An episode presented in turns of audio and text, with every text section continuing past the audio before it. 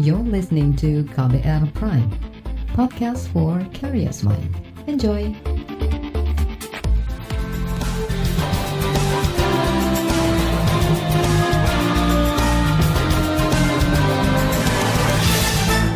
undang-undang penyiaran yang baru tidak menjangkau begitu. Karena undang-undang penyiaran yang baru justru untuk menyesuaikan bagaimana bagaimana lembaga-lembaga penyiaran ini bisa merespon perkembangan uh, paling mutakhir khususnya antara lain terkait dengan uh, beralihnya dari penyiaran analog ke penyiaran berteknologi digital. Jadi prinsipnya kalau penyiaran kita selalu batasi yang berdasarkan pada spektrum frekuensi atau kalau nanti dia akan bergerak pada digital pada multiplexer. Jadi kalau misalnya undang-undang baru ini jadi nanti maka lembaga-lembaga penyiaran tidak lagi menggunakan spektrum frekuensi yang sangat boros saat ini ya di frekuensi 700 sampai 800 tapi nanti mereka akan menggunakan uh, multiplexer yang disebut dengan box satu channel yang digunakan oleh satu TV saat ini bisa digunakan uh, eh, 5 sampai 12 TV. Kami saat ini memang sedang mempersiapkan regulasi yang lebih tinggi dari SE untuk uh, bisa menjangkau itu semua. SE waktu itu uh, dikeluarkan karena untuk merespon uh, kecepatan perkembangan yang kita semua terkaget-kaget karena hadirnya OTT. Sebetulnya mengatasi konten-konten negatif di OTT itu jauh lebih mudah daripada uh, apa ya daripada menindak mereka yang ada di penyiaran. Kenapa lebih mudah?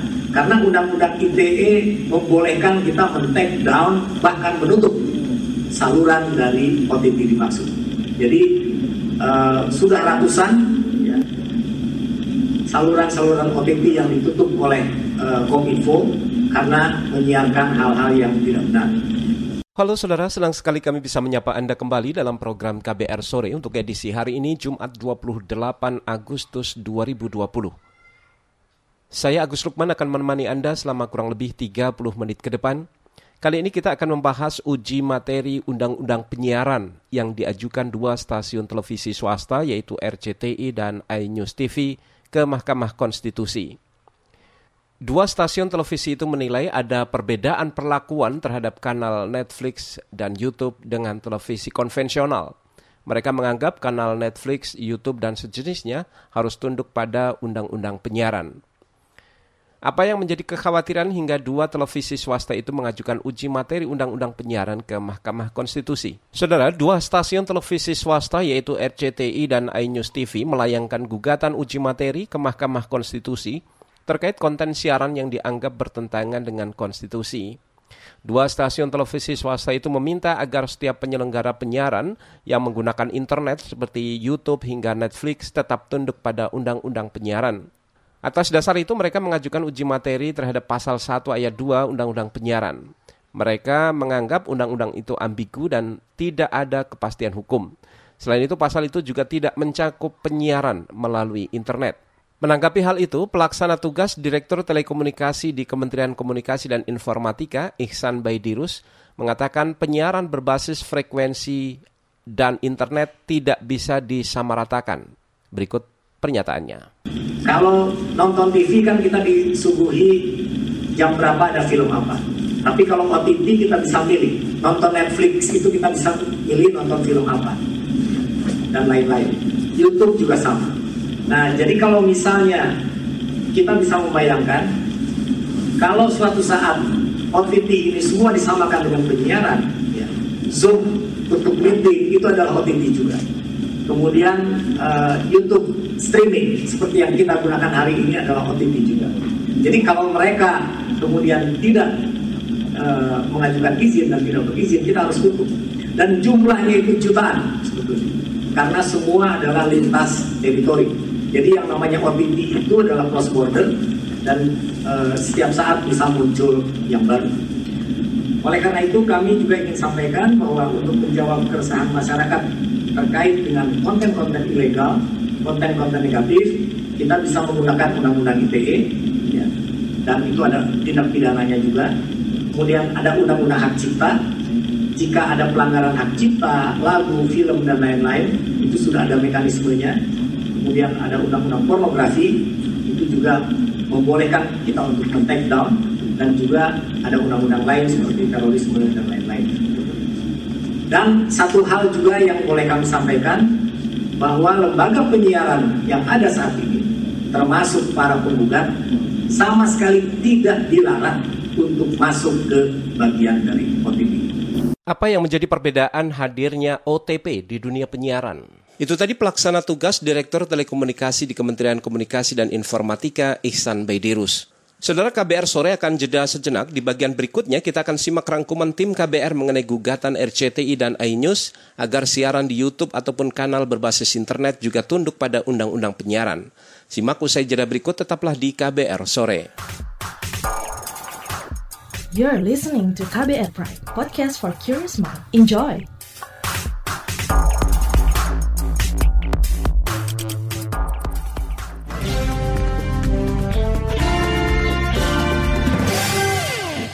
Gugatan dua stasiun televisi swasta grup MNC di Mahkamah Konstitusi mengundang cibiran dari publik, terutama warganet.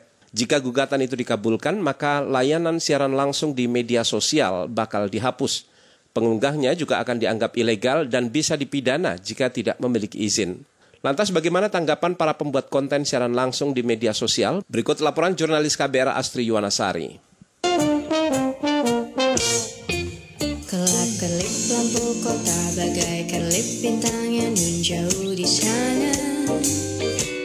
Ini adalah salah satu unggahan konten siaran langsung penampilan band indie Skastra di YouTube. Manggung lewat media sosial memang menjadi pilihan satu-satunya bagi grup musik seperti Skastra untuk tetap bertahan di masa pandemi.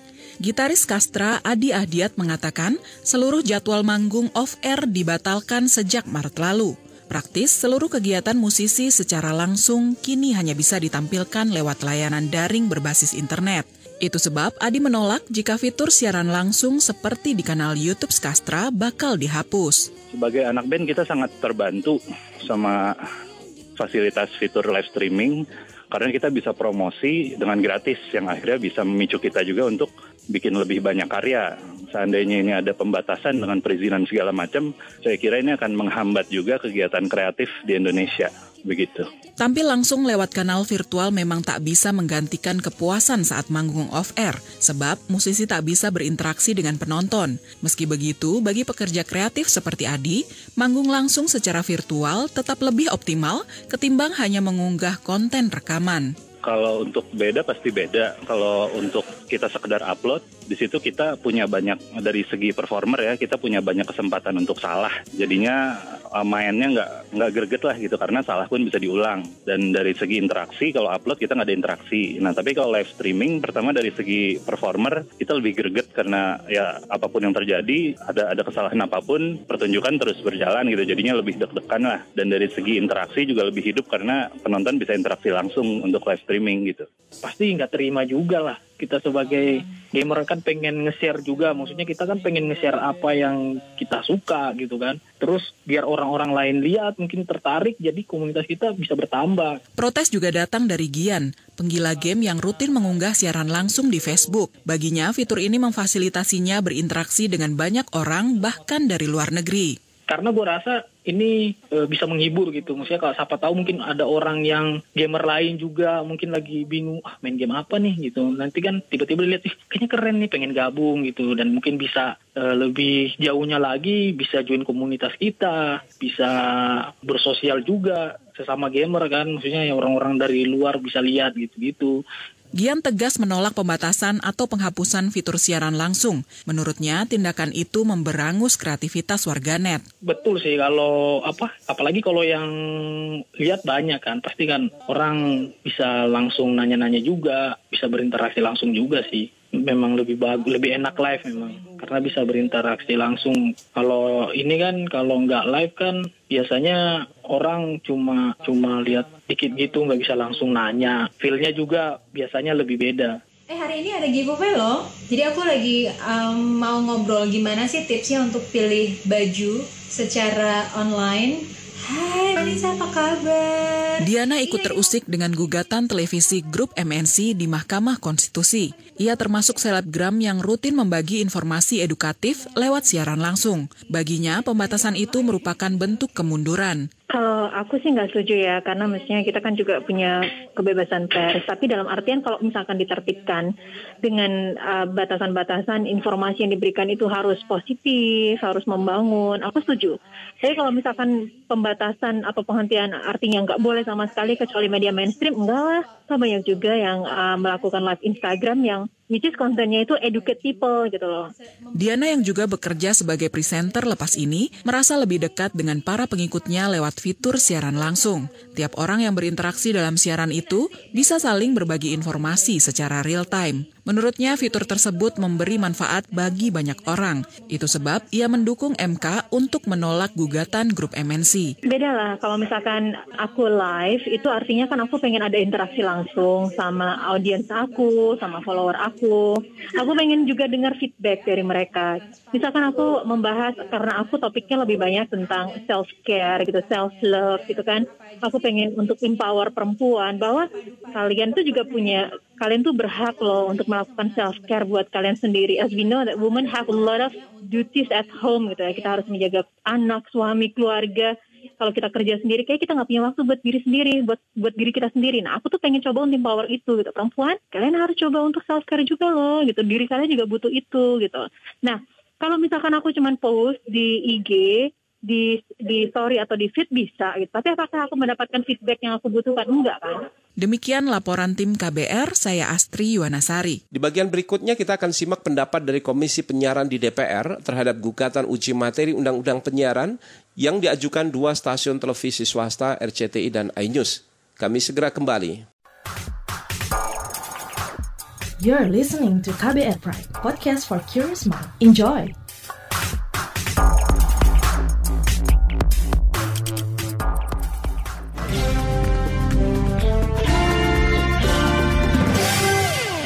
Terima kasih Anda masih bersama kami di program KBR Sore. Saudara, komisi yang membidangi penyiaran di DPR atau Komisi 1 menilai gugatan uji materi Undang-Undang Penyiaran yang diajukan oleh dua stasiun televisi swasta yaitu RCTI dan iNews tidak akan dimenangkan oleh Mahkamah Konstitusi karena yang berwenang terkait pembuatan undang-undang adalah DPR. Saat ini DPR juga tengah menggodok revisi Undang-Undang Penyiaran nomor 32 tahun 2002. Nantinya dalam revisi itu juga akan mengatur soal penggunaan teknologi analog atau ESO yang memungkinkan para pelaku siaran terestrial bersaing di dunia digital. Berikut petikan wawancara jurnalis KBR Astri Septiani dengan anggota Komisi Penyiaran di DPR Muhammad Farhan terkait gugatan uji materi undang-undang penyiaran oleh RCTI begitu yang ramai disorot masyarakat. Banyak yang beropini bahwa jika penyiaran berbasis internet juga diatur di undang-undang maka akan membatasi kreativitas dan e, kebebasan berekspresi begitu. Pendapat Anda seperti apa? Konsiderasinya bukan masalah kreativitas karena seharusnya kreativitas itu jangan pernah merasa terkungkung oleh bentuk dan format media. Sebagai sesama orang yang pernah bekerja di dunia kreatif, rasanya kalau kita hanya meributkan kreativitas akan terbatas karena adanya masalah pembatasan pengawasan media itu namanya kita membatasi kreativitas itu sendiri. Tetapi menurut saya yang perlu dilihat adalah spektrum hukumnya. Spektrum hukumnya menurut saya sih sudah tidak tepat karena satu, gugatan ini ingin mengubah pasal dan ayat tetapi menolak revisi undang-undang penyiaran secara keseluruhan kita ini sedang bekerja untuk melakukan revisi undang-undang penyiaran secara keseluruhan hmm. selama 14 tahun dari 2005 sampai hari ini belum selesai-selesai itu revisi karena pergulatan di antara para pelaku penyiaran televisi sendiri. Jadi sangat tidak fair apabila MNC kemudian melakukan gugatan ini langsung ke MK hanya dengan mengubah satu dua pasal dan ayat. Jadi ada baiknya kalau memang mau mengubah ikut saja dalam proses perubahan atau revisi undang-undang penyiaran yang akan membawa kita ke era analog switch off di hmm. mana semua frekuensi analog akan kita matikan kita pindah ke sistem penyiaran digital begitu masuk ke sistem penyiaran digital maka kita akan berpeluang untuk bersaing dengan OTT OTT itu tanpa perlu melakukan penghilangan atau penghapusan. Ditambah lagi dengan kita sedang menyiapkan undang-undang PDP atau perlindungan data pribadi hmm. yang memungkinkan kita untuk masuk ke dalam dunia digital dan internet ini dengan rasa aman tanpa perlu khawatir data kita dicuri hanya karena kita ingin kreatif di media digital gitulah ya. Yang berikutnya secara hukum juga yang ingin mereka lakukan adalah memaksa Mahkamah Konstitusi untuk melakukan perubahan definisi. Nggak bisa. MK itu adalah lembaga tertinggi di bidang hukum konstitusi, tetapi kewenangannya adalah bukan mengubah. MK itu membatalkan atau memberlakukan kembali. Tugasnya itu. Sedangkan yang bertugas untuk mengubah definisi undang-undang dan lain-lain itu mah DPR. Yep. Jadi hmm. eh, nggak akan menang ini sih kalau menurut saya. Kecuali kalau MK ingin masuk ke ranah DPR ya. Kemudian selanjutnya revisi undang-undang penyiaran ini kapan targetnya akan eh, diselesaikan oleh DPR gitu Pak? Sampai sekarang masih bergulat masih belum tahu kapan diketoknya. Kita hmm. udah keluar masuk kiri kanan. Tetapi kan kita tahu sendiri bahwa pergulatannya bukan antar partai politik ini. Hmm. Ini pergulatannya antar pemilik media. Dengan kita masuk ke ASO, analog switch off, maka semua lembaga penyiaran televisi harus masuk ke penyiaran digital. Pada masuk ke penyiaran digital itulah maka semua orang punya peluang untuk jadi OTT. Kalau OTT masuknya melalui platform internet, bayangkan saja Anda dengan download satu aplikasi, maka Anda bisa menikmati berbagai macam konten, betul? Nanti kalau udah ASO, maka lembaga penyiaran televisi nggak perlu saluran internet. Dia cukup pakai frekuensi yang udah ada, pakai device televisi yang sudah canggih, maka Anda akan serasa nonton internet. Udah dirancang, tapi memang membutuhkan pengorbanan yang tidak sedikit. Dan ini pengorbanannya bukan pengorbanan yang membuat semua orang rugi, enggak. Hmm. Ini pengorbanannya itu bersifat investasi. Hmm. Jadi investasi untuk mengembangkan teknologi dan konten digital itu akan terkompensasi pada masanya ketika masuk ke pengembangan market baru. Padahal dengan ASO ini juga ada hampir 50 persen lebar pita yang kemudian menjadi tersedia bagi pengembangan internet super cepat dari 700 MHz jadi tinggal masih tersisa 221 MHz lagi. Itu bisa jadi sebagai digital dividend yang sangat besar untuk digunakan bagi kepentingan pengembangan media digital. Itu tadi anggota Komisi Bidang Penyiaran di DPR Muhammad Farhan. Di bagian penutup nanti saudara kita akan simak pendapat dari pengamat media sosial terhadap gugatan uji materi Undang-Undang Penyiaran yang diajukan dua stasiun televisi swasta dari MNC Group. Patutkah gugatan itu dilayangkan di era media berbasis internet saat ini? Tetaplah di KBR Sore. You're listening to KBR Pride, podcast for curious mind. Enjoy!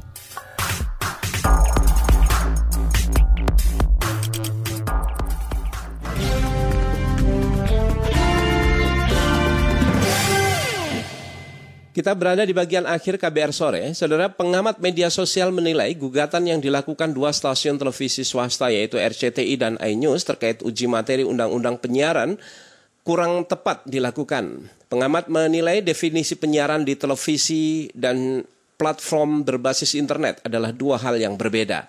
Untuk penyiaran seperti televisi atau radio yang menggunakan frekuensi publik, menjadi wajar untuk diatur. Sedangkan penyiaran yang menggunakan data atau internet tidak ada frekuensi publik yang dilanggar atau digunakan sehingga tidak perlu diregulasi. Berikut petikan wawancara jurnalis KBR Rizky Febianto dengan pengamat media sosial Enda Nasution. Sebagai pengamat media sosial, bagaimana sih Mas pendapat Mas Enda terkait gugatan yang dilayangkan oleh RCTI dan iNews? Hai Mas, saya coba jawab ya. Jadi pendapat saya tentang gugatan oleh RCTI dan iNews ini mungkin kalau menurut saya kurang tepat ya karena sebenarnya definisi penyiaran yang dimaksud di undang-undang penyiaran kan sebenarnya yang melibatkan publik apa frekuensi publik ya, dan karena itu juga makanya di uh, diatur diregulasi karena itu adalah milik publik bersama uh, penggunaannya juga harus bayar harus ada izin maka kemudian dan juga pemanfaatannya harus apa ada manfaat yang dirasakan oleh masyarakat secara langsung gitu. Nah, sedangkan penyiaran lewat internet itu kan menggunakan data dan internet ya. bukan menggunakan frekuensi milik publik, kita yang membroadcast maupun yang menonton juga sama-sama bayar untuk akses internet tersebut sehingga kalau diharapkan ada regulasi harus ada izin dan lain sebagainya maka jadinya bukan saja ketinggalan zaman tapi juga rasanya tidak sesuai dengan ya apa yang dimaksudkan gitu. Bagaimana dampak gugatan tersebut terhadap dunia penyiaran dan media sosial di Indonesia nantinya, Mas? Kalau saat ini sih dampak gugatannya ya berupa ini ya pembahasan di di berbagai komunitas saja dan dan dibahas oleh media. Mungkin pertanyaannya adalah dampak gugatan tersebut kalau dikabulkan gitu kan. Nah, kalau dikabulkan ya pasti akan jadi masalah banyak gitu. Bukan hanya pada masalah penyiaran yang masuk dalam definisi apa ini apa nanti apakah video call termasuk penyiaran juga gitu apakah zoom meeting termasuk penyiaran juga masa untuk seluruh kegiatan yang sifatnya membroadcast sesuatu baik audio atau video maka itu masuk jadi harus diregulasi harus ada izin dan lain sebagainya kan agak aneh gitu. Solusi terhadap gugatan tersebut dari pandangan Mas Enda itu seperti apa sih Mas? Ya solusinya ya dibatalkan gugatannya. Atau kalaupun sampai ke pengadilan ya nanti gugatannya tidak dikabulkan. Itu tadi pengamat media sosial Enda Nasution. Perbincangan tadi saudara menutup jumpa kita di KBR Sore edisi Jumat 28 Agustus 2020. Pantau terus informasi terkini melalui kabar baru, melalui situs kbr.id, Twitter kami di akun @beritaKBR, serta podcast melalui alamat kbrprime.id. Akhirnya saya Agus Lukman, kami undur diri, salam.